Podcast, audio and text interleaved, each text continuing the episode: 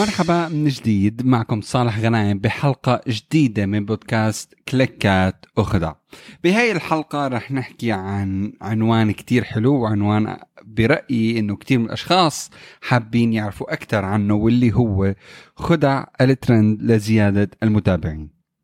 كثير نحن مرات بنشعر إنه عالم وسائل التواصل الاجتماعي بيدور بسرعة كبيرة بحيث كثير بيصعب علينا مواكبة الترندز والاتجاهات. لكن دائما بيكون حلمنا نحن نشوف تفاعلات وإشعارات بشكل كتير كبير على حساباتنا سواء كان حساب شركة أو حسابنا الشخصي. بس دائما بنلاحظ إنه رقم المتابعين ثابت ما عم بيتغير وإن كان عم بيتغير فالتغير كتير بسيط.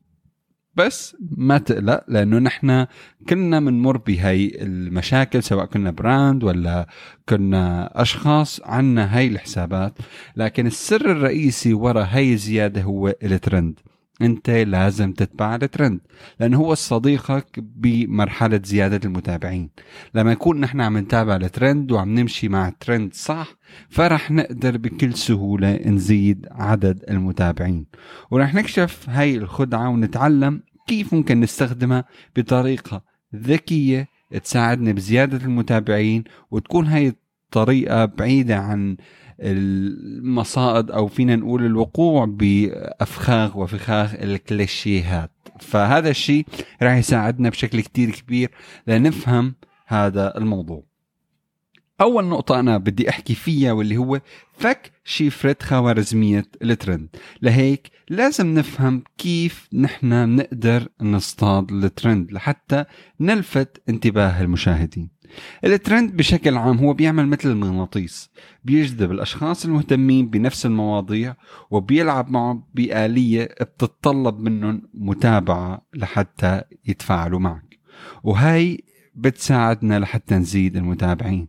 لكن قبل ما نبلش بهي النقطة كتير لازم نحن نفهم آلية الخوارزمية تبع السيستم اللي عم نشتغل عليه لأنه هي أسرع طريقة لزيادة المتابعين لأنه نحن بنعرف في عنا كتير منافسين في عنا كتير أشخاص بيشتغلوا نفس الشغل اللي نحن عم نعمله لكن فهم الخوارزمية ومتابعة الترند كتير كتير رح ينعكس بشكل كتير إيجابي لإلك.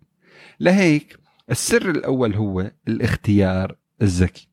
يعني لا تنساق تلقائيا ورا كل هاشتاج موجود. يعني ما نحن نشوف الترند ونلحقه فورا. لازم يكون عندنا اختيار كتير ذكي لهذا الترند يلي نحن عم نتابعه. النقطة الثانية لازم تبحث عن مواضيع بتتناغم وتتماشى مع محتوى الخاص فيك ومع جمهورك. يعني مثلا إذا أنا تخصصت بعلم الطبخ لازم أبحث عن ترند متعلق بعادات غذائية غريبة أو وصفات شهرية أو وصفات موسمية هذا الشيء بينعكس بشكل كتير كتير إيجابي على الترند تبعي لأنه مو من المنطق أنا أعمل ترند له علاقة بالسيارات وأنا جميع محتواي وجمهور المستهدف له علاقة بالأكل والطبخ. ثاني شيء لازم لازم نرتقي فوق المعايير يعني تجنب تكرار شو بيعملوا الآخرين. ما تعمل بس شو عم بيعملوا أنا أوكي بعمل مثل ما عم بيعملوا. دائما حاول تضيف لمستك الخاصة بهذا الموضوع واللي هو الترند يعني مثلا تقلد رقص على اختيار أغنية غير معتادة أو تضيف خطوة كوميدية بتغيرك وبتبرزك هذا الشيء بيعطي القليل من الإبداع لكن بيعطي نوع من أنواع التميز والاختلاف لأنه أنت هون ما عم تعمل مثل آه فينا نقول نسخ لصق إنما عم تحاول تغير وتعدل بهذا الترند. وفينا نعمل نحن مثل مثال على هذا الموضوع. خلينا نتخيل إنه الترند الحالي مثلا هو مكياج هالوين. يعني بدل ما نركز على الأزياء المرعبة المعتادة خلينا نفكر باستضافة أو بإضافة لمسه من الرعب لمكياجك اليومي أو استخدام المواد الغير تقليدية مثل الفواكه والبهارات بالمكياج سواء كانت للبنت أو للشاب بهذا آه، الموضوع بالنسبة للهالوين. أو مثلا ممكن نفترض ترند تاني تحدي يوميات. يعني بدل من انك تعرض يومياتك المعتاده ركز على لحظة فيها شيء نوع من الدهشة أو قوم بصناعة سلسلة يوميات مصورة بشكل مضحك فينا نقول. هذا الشيء بالفعل بالفعل كتير بينعكس بشكل إيجابي على حسابك وبزيد من نوعية المتابعين وكمية المتابعين لأنه خدعة الترند الذهبية بهذا الموضوع التفاعل.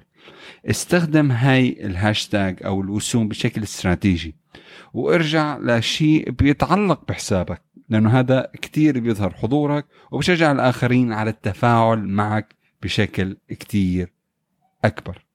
بس أنا هون بدي أنوه لنقطة كتير مهمة أو فيني أقول لك تحذير. وهون في عنا نحن نوع من أنواع مصائد الترند اللي بتصير شيء كتير خطير على حسابك وهي دائما دائما انتبه إنك تستخدم الترند بطريقة كتير مسؤولة ومهذبة.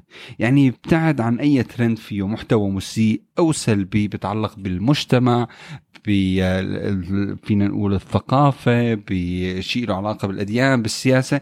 حاول يكون محتواك بعيد عن هاي الأشياء لأنه رح تنعكس بشكل كتير سلبي على حسابك. وتذكر دائما أنه أهمية أهمية كتير مهمة أنك أنت تحافظ على قيمك ومبادئك ختاما لهي الحلقة اللي كان فيها نوع من أنواع الحكم. لا تخاف من خوض تجربة الترند لأنه هو رفيقك بعالم زيادة المتابعين.